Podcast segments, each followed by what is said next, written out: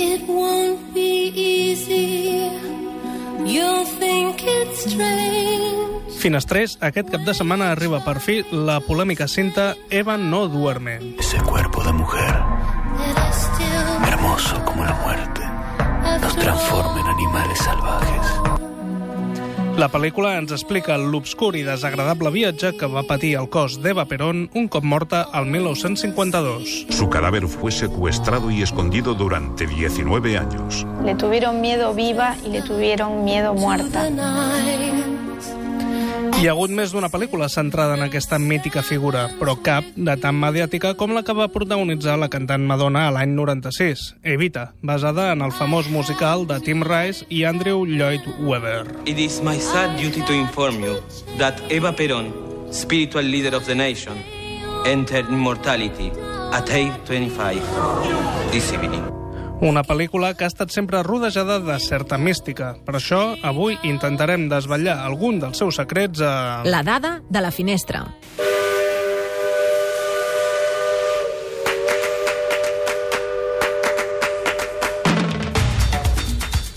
Madonna canviava de vestuari fins a 85 vegades al film, més que Elizabeth Taylor a Cleopatra. Vestia 39 barrets, 45 parells de sabates i 56 parells d'arracades.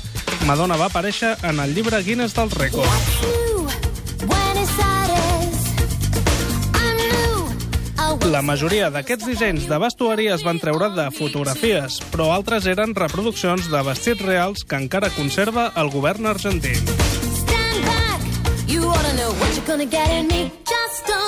L'escena en què Juan Perón, interpretat per Jonathan Price, li diu a Evita que s'està morint, va haver de ser enregistrada amb les cançons en directe, ja que no podien evitar posar-se a plorar i el ritme de les seves veus no anava sincronitzat amb la música pregravada. Don't hold back. You are certain to impress. L'actriu Patti LuPone va interpretar Evita al musical de Broadway. No va veure la pel·lícula, però sí que va admetre en una entrevista que havia sentit part de la banda sonora. Va confessar que no li agradava gens els canvis que s'havien fet.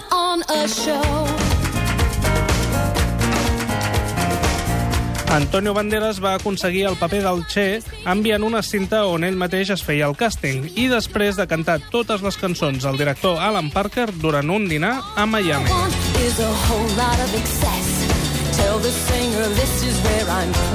Banderas tenia sis línies de diàleg en tota la pel·lícula i Madonna 140 paraules comptades. La resta era tot cantat. ¿Qué tendrían si en el 45 hubiera ganado la Unión Democrática? Menos salarios y ninguna conquista social. Comerían mierda, compañeros, mierda de la oligarquía. Eso es cierto, compañera. Pero en el 45 no ganó la oligarquía. Ganamos nosotros. Entonces de ellos no esperamos nada. Pero de usted, del general Perón, esperamos todo, compañera. There again, I've more to do than simply get the message through. I haven't started. Let's get this show. Un munt de noms diferents van passar en algun moment per aquest projecte que va existir durant un fotimer d'anys. Jennifer López, Gloria Estefan, Maria Carey, Zaza Gabor, Barbara Streisand, Meryl Streep, Maria Conchita Alonso o la pròpia Patti LuPone van ser algunes de les candidates a ser Evita. Olivia Newton-John va ser de les que més s'hi va apropar, però el fracàs de Xanadu la va condemnar. You're me from my head to my toes. I need to be dazzled. Oliver Stone havia de ser el director durant molts anys, però va tenir moltes discrepàncies amb el president argentí Carlos Menem. Va dedicar tant de temps al projecte que en la versió final el seu nom apareixia als crèdits. De fet, tenia una evita ja contractada, Michelle Pfeiffer, que durant uns quants mesos va aprendre lliçons de cant per estar a l'alçada. I need to be thrilling. Patrick Swayze, John Travolta, Sylvester Stallone, Midlove, Elliot Wood o Mandy Patinkin, el soul de Homeland, que va ser qui va fer el paper a Broadway, van ser algunes de les opcions pel paper del Che que va recaure en Antonio Banderas.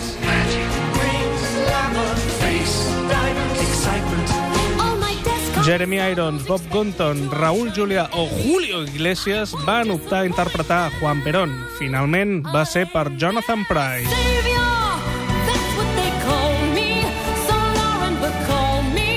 El vídeo musical de la cançó You Must Love Me, que va ser composada per a la pel·lícula, va ser rodat quan Madonna estava embarassada de 4 mesos.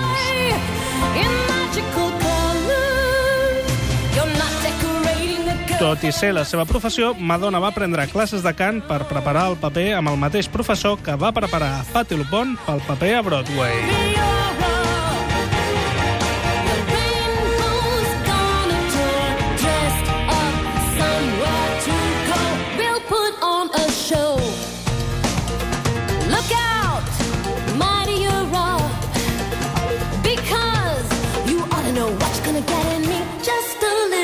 Just a little touch of Argentina's of